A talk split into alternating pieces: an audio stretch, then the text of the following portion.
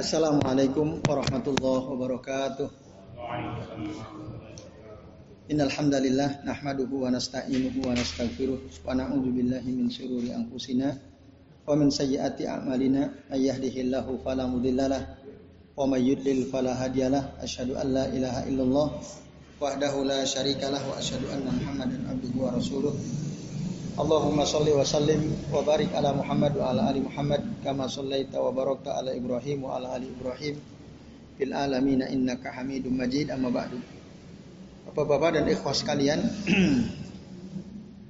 anil rahimani wa rahimakumullah ya semoga kita semua yang hadir di majlis ini senantiasa dirahmati Allah Subhanahu wa taala. Alhamdulillah pada malam hari ini kita bisa melanjutkan ya ngaji kitab Hilyatu Talibil Ilm. Pada pertemuan pekan lalu kita sudah membahas sampai halaman 23 ya. Halaman 23 bab yang ke-11 itu ya. Masalah yang ke-11.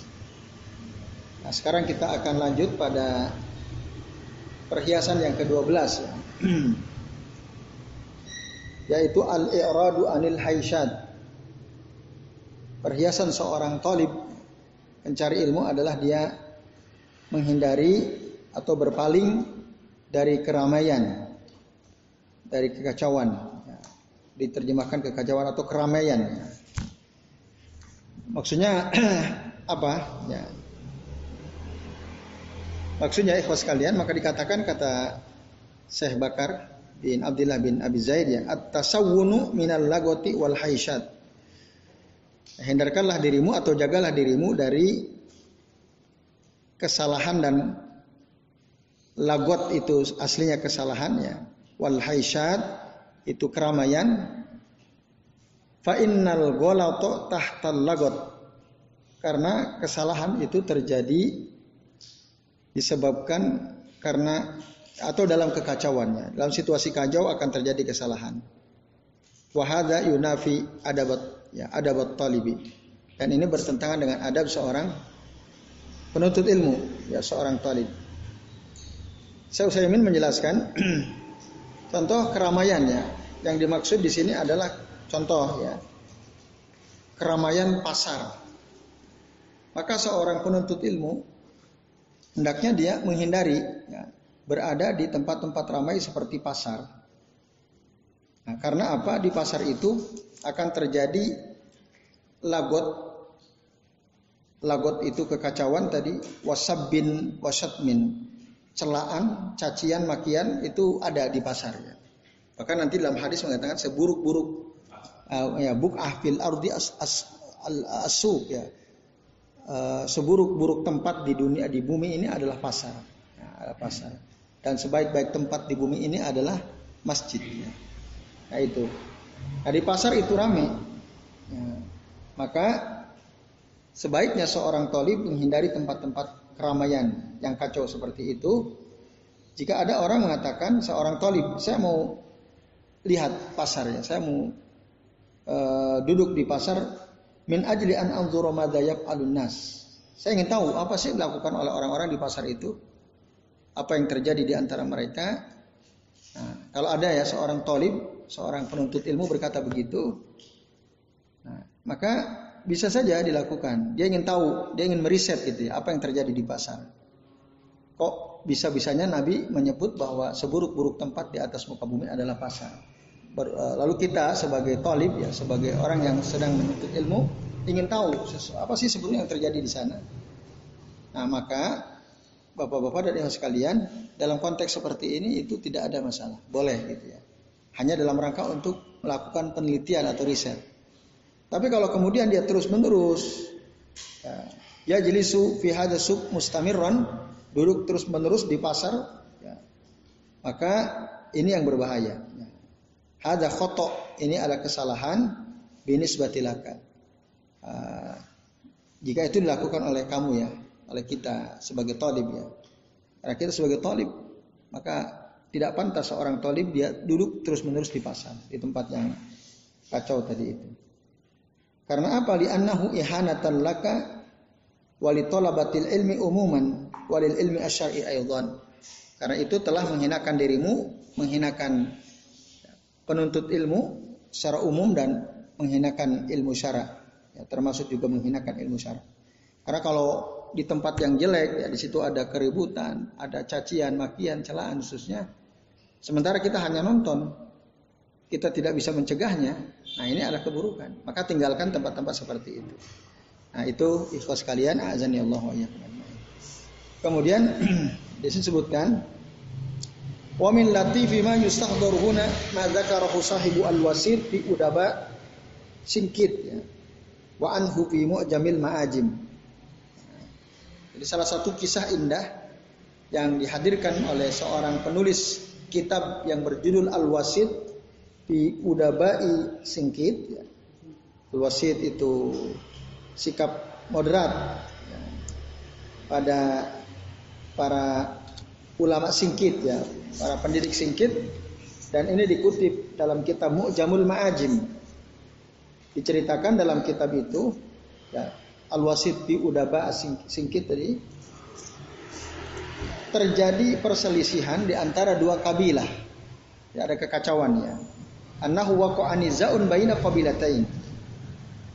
Terjadi kekacauan atau konflik antara dua kabilah, dua suku. Kemudian Datang kabilah yang ketiga ingin mendamaikan kedua kabilah tersebut. Akhirnya mereka yang berselisih itu sepakat untuk menyelesaikan masalah ini secara hukum syara.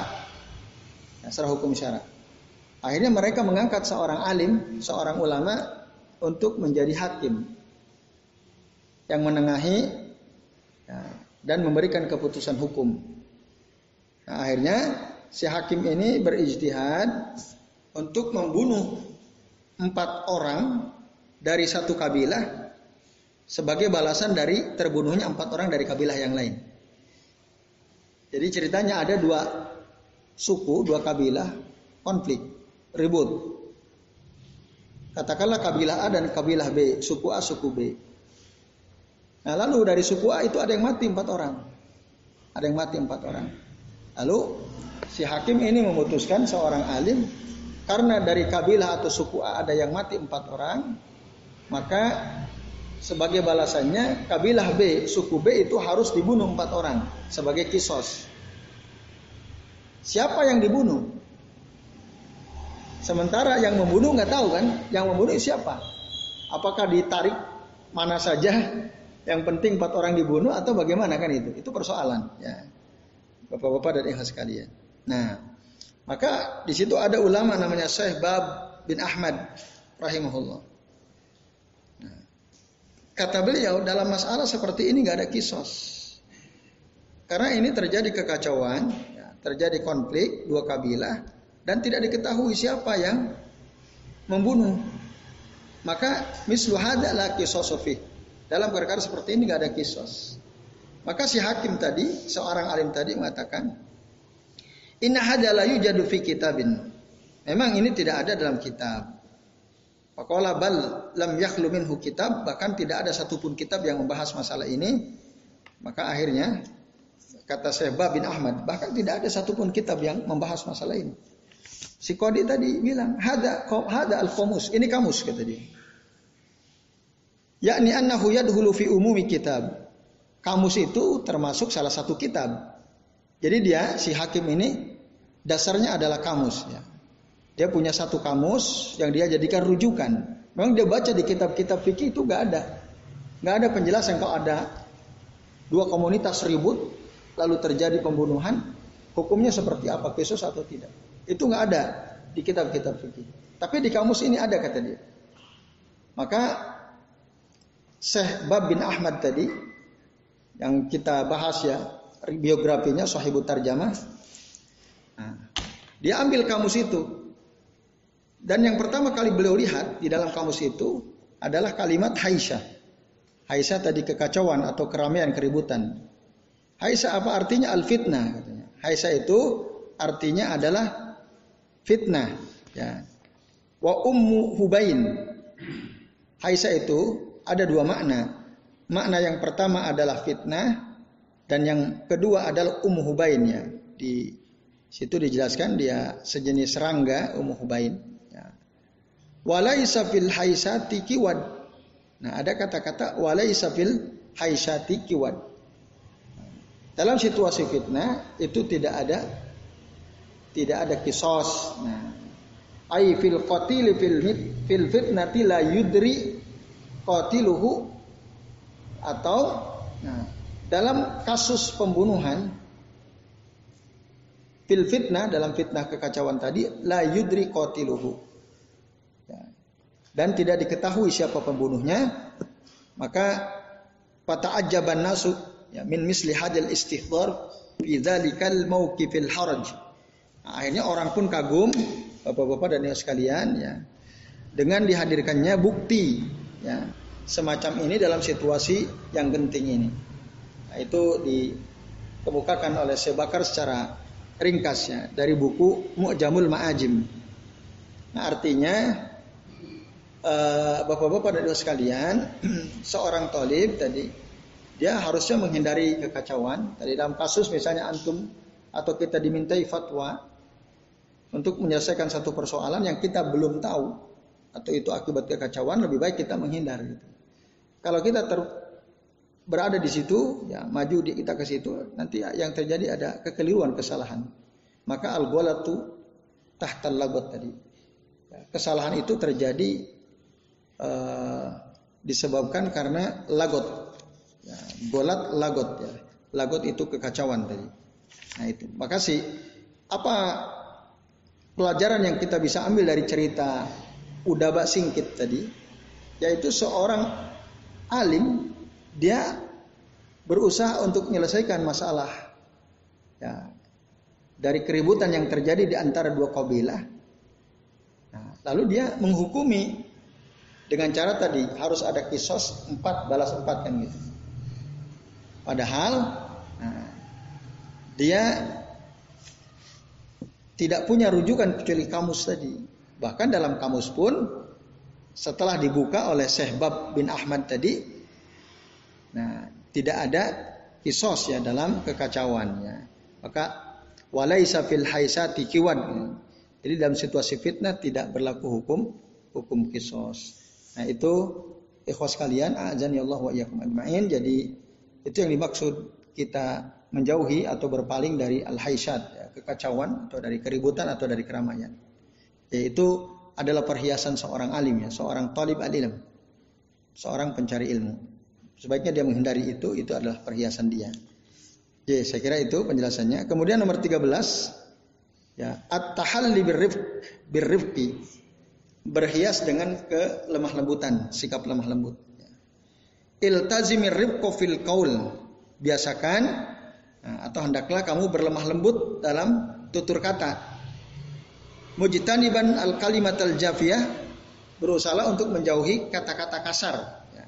Fa innal khitabal layyina yata'allafun nufusan nasijah. Karena kata-kata tutur kata yang lembut ya yang halus itu bisa melembutkan jiwa-jiwa yang liar. Wa adillatul kitabi was sunnati fi hadza mutakatsirah. Dalil dari Al-Qur'an dan Sunnah dalam masalah ini banyak sekali ya. Tentang pentingnya kita ber tutur kata yang lembut. Nah, maka saya, saya mengatakan ini merupakan akhlak yang paling penting bagi seorang penuntut ilmu. Sawaun kana talib ammatlub sama saja ya si penuntut ilmu atau yang ilmunya dituntut santri maupun gurunya gitu ya. Dia harus punya sifat lemah lembut arifku sebagaimana dikatakan oleh Nabi dalam hadis yang sahih riwayat Imam Bukhari nah ini dalilnya Rasul mengatakan innallaha rafiqun yuhibbur rifqa fil amri kullihi. Sesungguhnya Allah taala maha lembut. Allah suka kelembutan dalam seluruh perkara. Fil amri kullihi. Itu satu. Yang kedua Rasul juga pernah mengatakan maka na'rifku fi syai'in illa zanahu tidaklah sikap lemah lembut itu, kelembutan itu ada dalam sesuatu kecuali kelembutan itu akan menjadi penghias baginya, akan menghiasinya. Illa zanahu. Wama ya, nuzi amin syai'in illa syanahu. Dan tidaklah kelemah lembutan itu diambil, dicabut dari sesuatu atau dari seseorang kecuali itu akan memperburuk dirinya. Ya. Jadi orang yang bersikap lemah lembut, bertutur kata dengan tutur kata yang tidak kasar, itu akan menghiasi diri orang tersebut. Nah, seorang talib, ya, seorang penuntut ilmu, seorang alim termasuk, dia harus punya sikap ini, berhias dengan sikap lemah lem, lembut, tidak kasar kata-katanya. Nah ini was kalian, ajani Allah wa iyyakum ajmain. Tapi yang dimaksud tidak ya tidak kasar atau bersikap lemah lembut di sini bukan disebabkan karena kita lemah. Bukan, ya. Kan ada orang bersikap lemah lembut, bertutur kata santun karena lemah, ada nggak? Karena ditakutkan, bukan itu yang dimaksud. Ya. Jadi sikap lemah lembut, sikap santun, ya sopan santun yang dimaksud ribku di sini adalah dia kuat ya. Kita punya kekuatan baik kekuatan ilmu termasuk kekuatan fisik ya dan kekuatan-kekuatan yang lain tapi saat kita ketemu dengan orang nah kita bersikap lemah lembut. Nah, itu yang dimaksud. Ya, jadi bukan kelemah lembutan disebabkan karena kelemahan. Nah, karena Allah Allah Subhanahu wa taala zat yang maha kawi ya, zat yang maha perkasa. Qawiyun ajiz kan Allah itu. Maha kuat, maha perkasa. Dan Allah juga maha lembut. Maka disebutkan ya dalam surah Asyura tadi ya. Ayat ke-19 tadi ya. Allahu latifum bi ibadi. Allahu latifum bi ibadihi. Yarzuku man yasha wa huwal qawiyul ajiz. Allah menyebutkan bahwa dirinya itu lembut terhadap hamba-hambanya Allah kasih rezeki kepada siapa yang Allah kehendaki tapi Allah itu kawi Allah itu maha kuat Allahu ajiz Allah itu maha perkasa. Nah, jadi sifat lembut ya, lemah lembut yang terpuji itu adalah lemah lembut bukan karena kelemahan. Justru sifat yang lemah lembut tadi muncul dari orang-orang yang kuat ya. Orang-orang yang punya kuasa tapi dia bisa bersikap lemah lembut. Nah, coba bayangkan Allah yang maha lembut ya, kepada seluruh hambanya, ketika hambanya melakukan kesalahan, Allah tegas. Nah, maka kelemah lembutan itu tidak menghilangkan ketegasan. Ini pentingnya. Kelemah lembutan tidak menghilangkan sikap tegas. Ya. Maka Allah SWT. Maka contoh kita buka dalam surah An-Nur ya. Surah An-Nur ayat 2. Nah ini contoh Bagaimana tegasnya Allah Taala. Di sana sebutkan az-zaniyatu waz-zani fadlidu kulla wahidin minhuma mi'ata jalla wala ta'khudhukum bihima rafatun fi dinillah. Ya.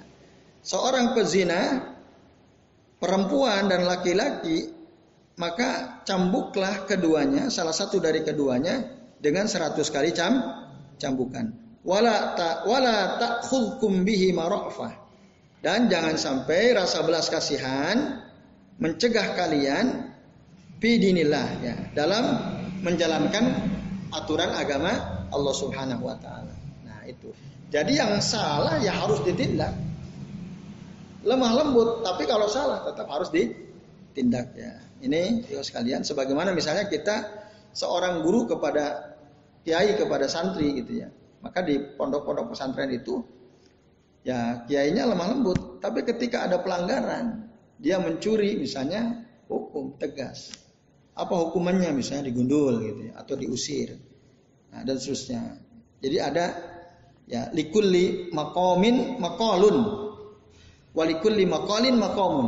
Nah, ini pentingnya kata-kata ini.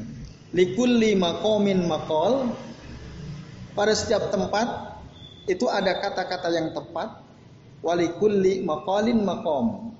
Dan setiap kata-kata itu ada tempatnya yang tepat. Bisa dipahami ya? Likulli maqam maqal walikulli maqal maqam. Saya ya. Likulli maqalin maqamun. Setiap kata-kata itu ada tempatnya yang tepat. Walikulli maqamin maqalun. Dan setiap tempat ada kata-kata yang tepat. Ini indah sekali ya kata-kata ini. Nah, artinya kita fleksibel. Tapi tapi tadi ya, sifat dasar kita kita harus punya sikap arifku, lemah lembut. Tapi di mana kita dibutuhkan untuk bersikap tegas ya kita harus tegas. Nah, itu likul lima kom, kalau likul lima kom kom. Jadi saya kira ini bapak-bapak dan ibu sekalian ya perhiasan seorang penuntut ilmu dia harus punya sikap arifku tadi. Kemudian sifat berikutnya adalah at-ta'ammul ya, perhatian. Jadi seorang penuntut ilmu itu harus punya ya, sikap perhatian terhadap apa yang dia yang akan dia lakukan, ya, apa yang akan dia bicarakan dia harus memperhatikan. Maka dikatakan at-tahalli bit ta'ammul berhiaslah dengan perhatian fa in fa inna man ta'ammala adroka. Karena barang siapa yang perhatikan dia akan mengetahui. Bahkan ada ada yang mengatakan ta'ammal tudrik Ta'amal tudrik. Perhatikanlah niscaya kamu akan tahu. Ya. Maksudnya gimana ikhwas kalian? Jadi orang yang sedang menuntut ilmu atau seorang alim, dia harus selalu memperhatikan apa yang dia lakukan dan apa yang dia katakan. Sehingga dia akan tahu apa yang dikatakannya itu benar apa salah. Ketika ada kesalahan dia akan tahu. Dan tentu dia akan mengevaluasi ya, memperbaiki kesalahan yang dia katakan itu.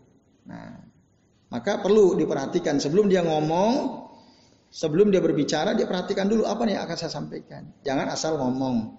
Atau sebaliknya ketika dia akan melakukan sesuatu, dia perhatikan dulu, ini kira-kira konsekuensinya apa. Kalau saya melakukan ini dan itu. Nah, ini ya sekalian. Maka dikatakan wa alaihi fata'ammal inda takallum bima tatakallam wa mahya aidatuh. Ya. Oleh karenanya seseorang itu dia harus memperhatikan ketika dia bicara apa yang akan dia bicarakan. Wa mahya aidatuh dan apa konsekuensinya gitu ya. Ketika dia akan berbicara tadi. Nah, lalu katakan wa taharrud fil ibarati wal ada'i duna ta'annutin au tazalluk. Uh, berhati-hatilah dalam menyampaikan ya sesuatu dalam memilih tutur kata, ya, seorang tolib dia harus berhati-hati ketika akan menyampaikan sesuatu atau memilih kata-kata ya, memilih diksi yang akan dia sampaikan tanpa menyulitkan dirinya dan tanpa sok pinter gitu ya. Itu yang dimaksud dia perlu memperhatikan masalah itu. Nah, lalu yang berikutnya wa ta'amal indal muzakkara kaifa takhtarul qalibal munasiba lil ma'nal murad perhatikanlah ketika berdiskusi ya dengan orang hendaklah dia memilih ya, format kalimat yang tepat ya, yang bisa menjelaskan tentang maksud apa yang ingin disampaikan ya. Itu harus diperhatikan ya. Begitu juga wa ta'ammal inda su'ali sa'ili kaifa tatafahamu su'ala an wajhihi hatta la yatahammalu wajhaini wa hakadha. Begitu juga Hendaklah seseorang itu, seorang talib memperhatikan ketika ada pertanyaan yang disampaikan oleh seseorang, bagaimana engkau memahami pertanyaan itu ya, sesuai dengan yang diinginkan tentu saja, dengan yang ingin ditanyakannya. Uh, sehingga tidak mengandung dua makna ya, tidak mengandung dua maksud. Nah ini ya sekalian, azan ya Allah wa Nah, maksudnya tadi ya yang dimaksud Eh, bahwa perhiasan seorang tolib itu dia punya perhatian. Dalam konteks ini tadi perhatikan ketika dia akan berbicara apa lalu konsekuensinya bagaimana lalu apa diksi ya. pilihan-pilihan kata yang akan dia pakai ketika dia akan menyampaikan. Jangan sampai nanti orang bingung itu atau orang memahami dengan pemahaman yang berbeda atau mungkin bisa jadi juga orang tersinggung gitu ya misalnya. Maka itu harus diperhatikan baik-baik oleh seorang talib Kemudian yang kedua tadi ketika ada seseorang bertanya kepada kita sebagai talib gitu ya. Kita perhatikan pertanyaannya. Jangan segera kita jawab kalau kita belum begitu paham ya, apa yang ingin ditanyakan tadi agar jangan sampai mengandung dua maksud. Ya, saya pernah kemarin ya ada Pak siapa tuh? Muka siapa muka siapa itu? Pak Noto ya pernah menyampaikan pertanyaan tapi saya belum begitu jelas apa maksud beliau ya. Oh ternyata yang beliau tanyakan itu tentang indigo sebenarnya. Cuman beliau menggunakan kata muka syafa.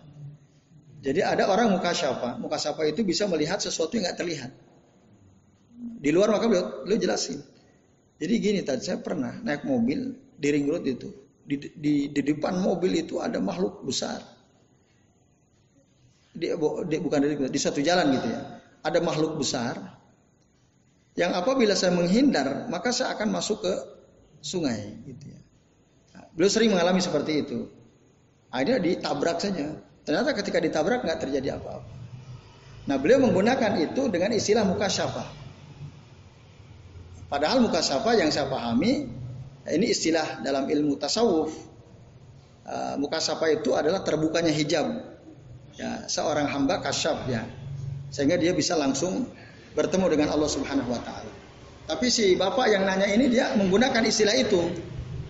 Muka syafa. Akhirnya saya jawab dan ternyata yang jawaban yang saya sampaikan bukan itu yang dimaksud oleh si penanya. Maka beliau konfirmasi lagi di di luar, bukan itu Ustaz. Nah itu, maka kita sebagai tolib memang perlu memperhatikan dan apa yang ingin ditanyakan. Saya kita paham betul, pertanyaannya paham betul. Nah, kalau kita belum ngerti, sebaiknya kita konfirmasi lagi. Ini maksudnya apa? Maksudnya apa? Maksudnya, nah, sehingga jawaban yang diberikan itu betul-betul pas gitu ya, tidak mengandung dua makna. Nah itu dia pentingnya ta'amul, perhatian pentingnya ta'amul. Nah ini bapak-bapak dan ikhwas sekalian tadi maka ada kalimat ta'ammal tudrik. Ta'ammal tudrik. Perhatikan kamu akan tahu. Ada kalimat yang hampir sama dengan ini juga penting untuk dijadikan pegangan. Ya, bagi seorang tolib, jarib walahid takun arifan. Jarib walahid takun arifan. Atau jarib walahid takun arifan. Cobalah, perhatikanlah, kamu pasti nanti akan tahu. Ya. Coba, perhatikan, kamu akan tahu. Ya. Jarib walahid takun arifan.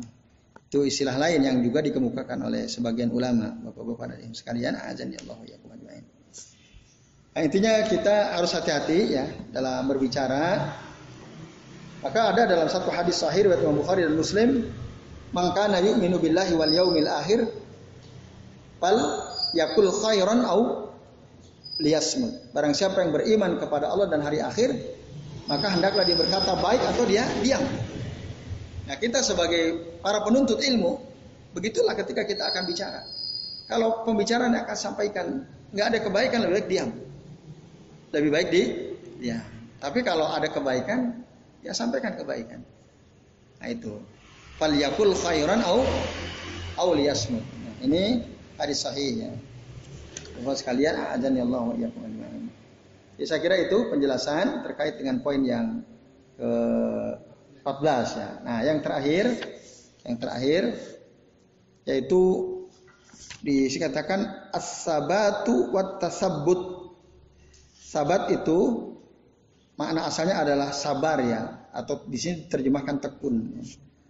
Wat tasabbut itu teliti sabar dan teliti atau tekun dan teliti bolehlah ya sabar di juga diartikan tekun bisa saja ya nah, kata saya bakar bin Abdullah bin Abi Zaid tahalla bis sabati wat tasabbuti milikilah berhiaslah dengan sifat tekun atau sabar dan teliti wala siyama fil mulimati wal muhimmat apalagi dalam ya musibah atau dalam perkara-perkara penting ya, tugas-tugas penting.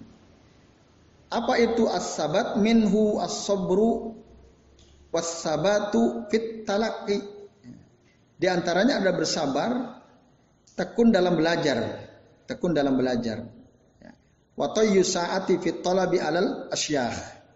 Dan menjalani waktu waktu dari hari ke hari, waktu ke waktu dalam mencari ilmu kepada guru ya. Fa inna man sabata nabat karena sesungguhnya orang yang mansabata nabata.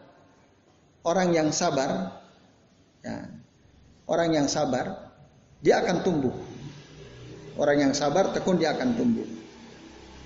Nah, bapak-bapak dan ibu sekalian, azan ya Allah wa ajmain. Nah, ini juga termasuk adab yang sangat penting bagi seorang talib, yaitu bersikap sabar, sabar, dalam mencari ilmu.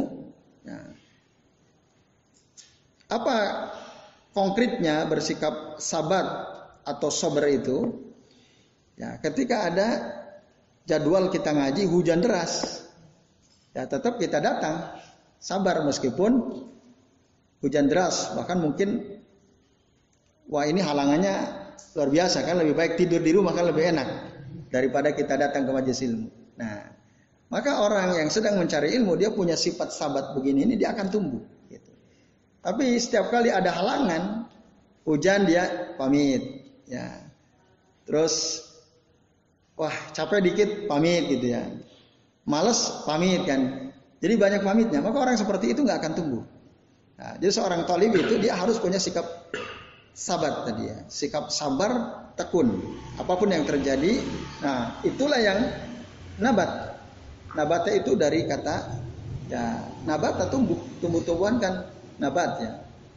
Maka man sabata nabata. Nah itu dewa sekalian. Maka kata sabat dan tasabut adalah dua istilah yang mirip ya secara lafaz tapi secara makna berbeda ya. Kalau sabat tadi artinya adalah sabar ya. Dia mampu bertahan ya, tidak gampang menyerah. Dan ini adalah sikap gampang menyerah sangat berbahaya bagi seorang talib ya. Dia nggak paham-paham, akhirnya dia udahlah daripada saya nggak paham ngapain ngabisin waktu kan gitu. Lebih baik gak usah ikut lagi kajian. Daripada saya ngantuk, ngapain saya nggak dapat apa-apa? Udah nggak usah ikut kajian. Nggak nggak sabar gitu kan? Nah, akhirnya uh, karena dia nggak sabar, nah dia nggak akan dapat apa-apa. Dan ini sangat berbahaya. Huwa dia dulu talib. Ini sifat nggak sabar itu sangat berbahaya bagi seorang talibnya. Nah ini, maka nanti akhirnya pala fala faidah talahu idalam yasbut ala syai. Dia nggak akan dapat faidah apa-apa kalau dia tidak sabar terhadap segala sesuatu. Nah, contoh di sini sebutkan contoh orang sikap tidak sabar ya. Dia belajar kitab misalnya. Kitab kaidah bahasa Arab. Pertama kitab Jurumiyah. Wah, setelah dia pelajari dia nggak paham-paham, terlalu rumit, ya Akhirnya ganti lagi deh kitab apa? Kotrun Nada misalnya. Kotrun Nada, oh bingung juga, ganti lagi kitab Alfiah Ibnu Malik misalnya. Terus berubah-ubah. Ya. Nah orang yang seperti ini dia nggak sabar, maka dia nggak akan dapat apa-apa, nggak akan paham-paham ilmu bahasa Arab kayak bahasa Arab. Atau kitab tentang musolah, mustalahul hadis misalnya. Dia belajar kitab An-Nukhbah nggak paham, belajar kitab uh, misalnya taisir mustalahul hadis, wah terlalu berat. Lalu ganti lagi, ganti lagi, nah itu nggak sabar. Nah orang yang bersikap tidak sabar, seorang tolib ya penuntut ilmu yang dia dia yang menentukan jadi gurunya Tad udah ajarin saya kitab ini. Waduh Tad nggak paham berarti Tad ya besok antum ngajarin kitab ini. Dia aja kitab itu. Waduh Tad Afan saya nggak paham juga ganti kitab ini. Jadi dia akan dapat apa-apa. Dia nggak akan dapat apa. apa. Dan saya mengalami ya situasi seperti itu. Ada seorang yang lama sekali belajar bahasa Arab, ganti, gunta ganti, gunta ganti. Ini belum selesai, tar ganti ini aja tar. Ya saya ngikutin maunya dia ya silahkan antum mau itu. Ketika belajar oh, tar ganti lagi ini tar ganti. Akhirnya enggak susah dapat apa-apa. Nah, maka kalau kita belajar, pelajar satu kitab tuntas ganti kitab, tuntas ganti kitab. Nah, alhamdulillah kita di sini ya udah beberapa kitab kita tuntaskan, ganti kitab, tuntas ganti kitab. Nah, itu yang disebut sabat ya, termasuk contoh sabat atau kesabaran di dalam belajar ilmu. Nah, itu bapak-bapak dan ikhwas kalian, ajani Allah wa iyyakum ajmain. Nah, orang yang tadi gonta-ganti kitab, dia nggak sabar atas keputusan dirinya.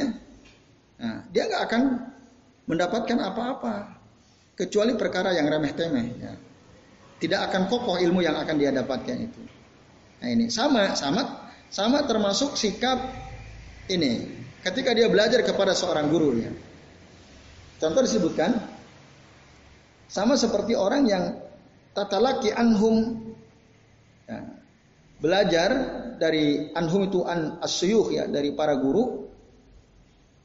La takun jawakon kulla usbu'in inda syekh ya, janganlah hanya sekedar merasakan duduk di majelis seorang syekh Sekedar ngerasain ini rasanya gimana, rasanya gimana, rasanya gimana. Jadi antum datang ke sini dengan Syekh Fulan dalam seminggu. Ah besok datang ke saya ini dengan Syekh Fulan. Hanya sekedar ngerasain saja, ya.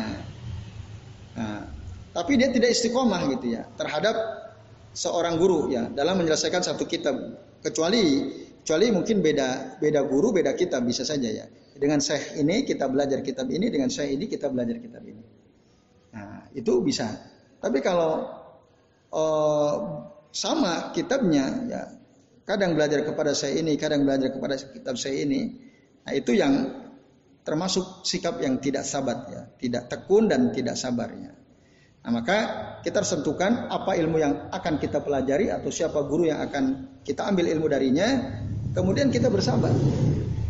Nah, bersabar dalam mengikuti majelis-majelisnya. Nah, inna man sabata nabat. Maka orang yang sabar, dia mulazamah, dia pasti akan tumbuh, berkembang. Nah itu. Fa inna man sabata nabata. Waman lam yasbut lam yanbut. Sebaliknya orang yang tidak sabar dalam mengikuti majelis ilmu atau dalam belajar nggak sabar dia. Kadang hadir kadang tidak. Uh, kadang pindah sini kadang pindah situ dan seterusnya. Ya.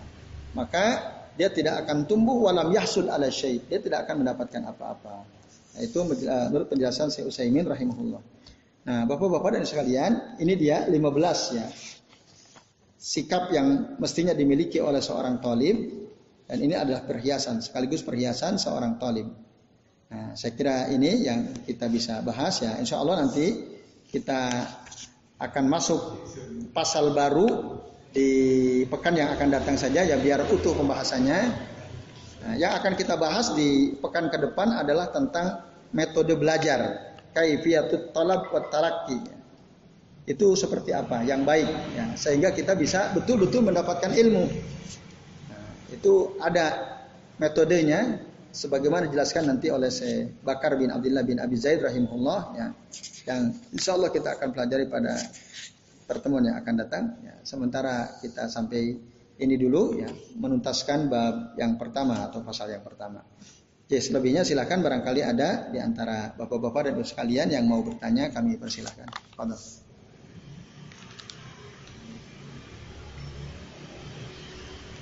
Fadal Mas Isna.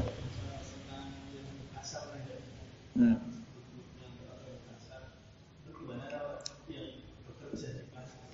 Iya. Nah, bagaimana kalau yang bekerja di pasar? Tadi kan kita bicara dalam konteks seorang tolib ya, ya seorang penuntut ilmu. Nah, kalau Nah, pertanyaan ada nggak orang kita kita Ah, saya sudah pernah sampaikan bahwa belajar itu adalah suatu proses yang tidak pernah berhenti ya. Belajar itu kapan pun, ya berapapun usia kita, dia tidak tidak berhenti. Beda sama sekolah ya. Kalau sekolah ada ada waktu akhirnya sekolah. Ya. Kalau belajar tidak ada waktu akhirnya. Maka tolib itu uh, satu istilah yang bisa melekat pada diri setiap orang. Selama kita ada keinginan mencari ilmu, maka kita tolib apa pun profesi kita. Nah, bagaimana jika ada orang belajar dia udah berhenti eh, apa? Sekolah dia udah berhenti sekolah. Karena sekolah kan mungkin berhenti ya, udah habis masanya. Tapi belajar kan tidak harus di sekolah. Ya tidak? Nah, kita tetap sebagai pembelajar, sebagai tolim. Tapi di sisi yang lain kita punya pekerjaan jualan di pasar. Itu maksudnya maksudnya ya. Nah, itu gimana? Padahal tadi kita disuruh menghindari tempat yang ramai, yang kacau tadi ya. Nah, karena itu akan menghinakan kita sebagai tolib dan menghinakan ilmu syara. Nah, itu tadi maksudnya jika ketika kita berada di tempat yang ramai, lalu membiarkan kekacauan-kekacauan yang terjadi, kita lemah ya untuk uh, memperbaiki. Nah, itu kan merusak diri kita sendiri. Lebih baik kita menghindar. Tapi kalau kita ya karena kita bisnisnya di pasar, kita jualan sesuatu di pasar, di mana pasar tadi seburuk-buruk tempat, uh, karena di situ banyak tadi teriakan, banyak mungkin perkelahian, banyak cacian, makian, khususnya. Nah, bisa tidak kita sebagai pembelajar, sebagai talib ilmu syar'i ya, tapi juga berprofesi sebagai pedagang di pasar, lalu menerapkan ilmu kita di pasar, mungkin enggak? Nah itu kan tinggal mungkin atau tidak. Jika kita tidak mungkin lebih baik kita meninggalkan pasar. Ya. Jadi artinya walaupun pasar disebut seburuk-buruk tempat oleh Nabi ya SAW, karena ada sebab gitu ya. Tapi Nabi juga tidak melarang para sahabat untuk jualan di pasar. Kan ada seorang sahabat Abdurrahman bin Auf, ya kan, yang sangat masyhur. Ketika dia mau dikasih sesuatu, dia hanya tunjukkan kepada saya pasar mana tempatnya pasar. Itu jualan. Nabi tidak melarang. Bahkan sukses Abdurrahman bin Auf jadi seorang uh, saudagar sukses ya. Nah, uh, artinya tadi kalau kita berada di pasar, tadi kan kita ingin kalau ingin riset, meneliti, ya silahkan kita lihat apa yang terjadi. Nah artinya kalau orang melakukan riset lalu meneliti kan tentu dia akan mencari mana yang baik, mana yang buruk di pasar kan gitu. Nah, kita sebagai tolib, sebagai pembelajar, jualan di pasar, kalau kita udah tahu yang baik mana, yang buruk mana, nah, kita menghindari yang buruk, terus melakukan yang baik dan mencegah kemungkaran-kemungkaran yang terjadi di sekitar kita di pasar. Maka itu nggak ada masalah. Tapi kalau kita jualan di pasar sementara kita terus belajar gitu ya, menimba ilmu, kita tahu bahwa kemungkaran itu harus dicegah ya. Maka man ra'a minkum munkaran falyughayyirhu bi yadihi fa illam yastati fa bi lisanihi fa illam yastati fa bi qalbihi fadzalika adabul iman. Eh kita lihat ada kemungkaran di pasar. Kalau kita udah tahu hadisnya, lalu kita diam saja, Nah itu jadi buruk itu. Nah, masa kita ridho dalam keadaan selalu selemah lima iman ya, hati terus ya. Padahal kita sebenarnya punya kekuatan ya. Ya itu Mas Isna. Jadi tidak ada masalah kita berjuang di pasar hukum asalnya boleh karena nggak ada larangan. Ya. Tapi tadi mampukah kita mencegah kemungkaran di pasar karena biasanya terjadi banyak kemungkaran di pasar. Itu wallahu alam bisawab. Oke. Yang lain, kalau ada yang masih ada pertanyaan. Cukup jelas ya? Ya. Baik ya sekalian, saya kira ini kalau sudah jelas, alhamdulillah. Intinya beberapa sikap atau perhiasan seorang tolib yang kita sudah bahas, semoga bisa jadi pegangan ya, bisa kita betul-betul terapkan dalam keseharian kita. Ya, kalau uh, kita kembali lagi ya ke awal maka bisa kita uh, simpulkan apa saja tuh 15 perhiasan orang berilmu itu satu apa? Ah, satu bahwa kita harus meyakini, harus memahami bahwa ilmu itu ibadah. ibadah. Kemudian yang kedua,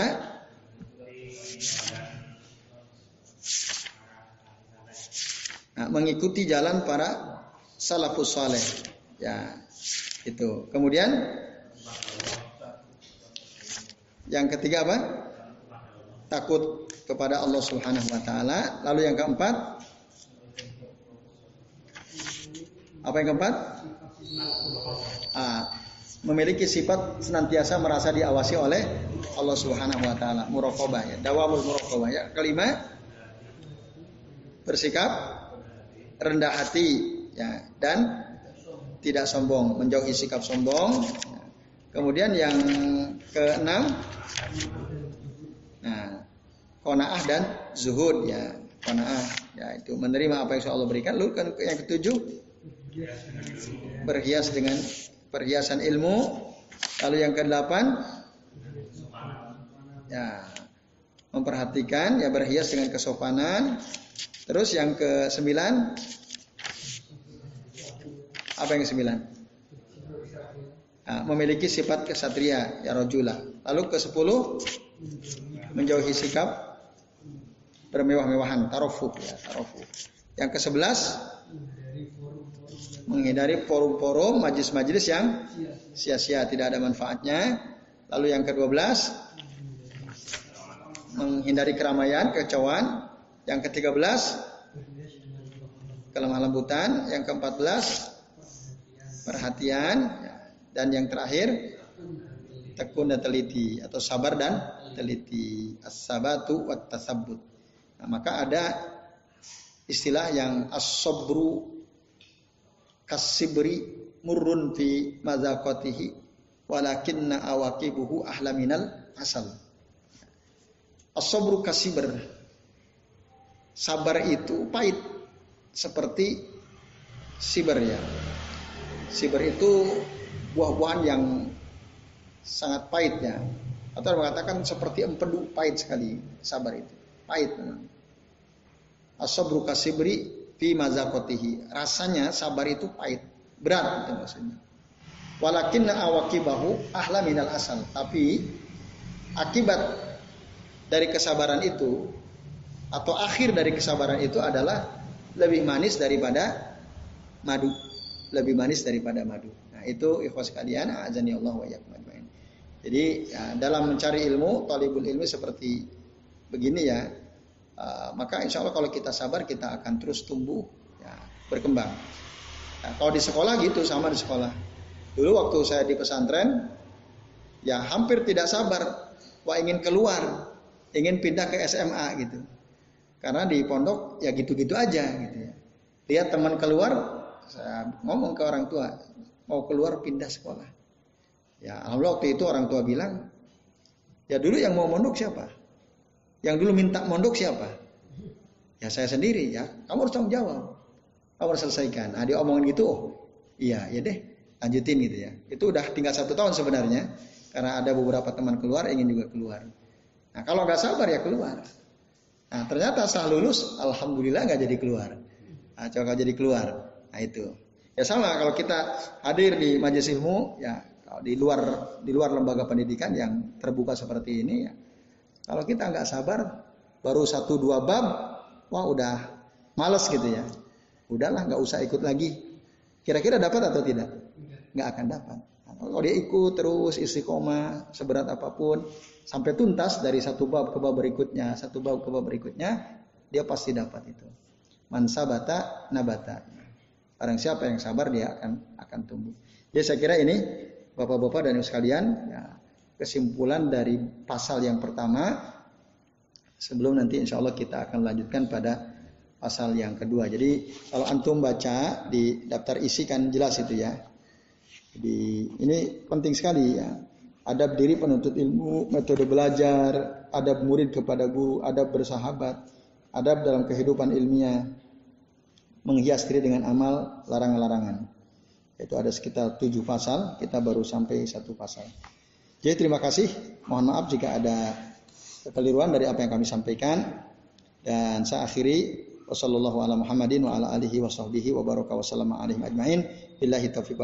wassalamualaikum warahmatullahi wabarakatuh.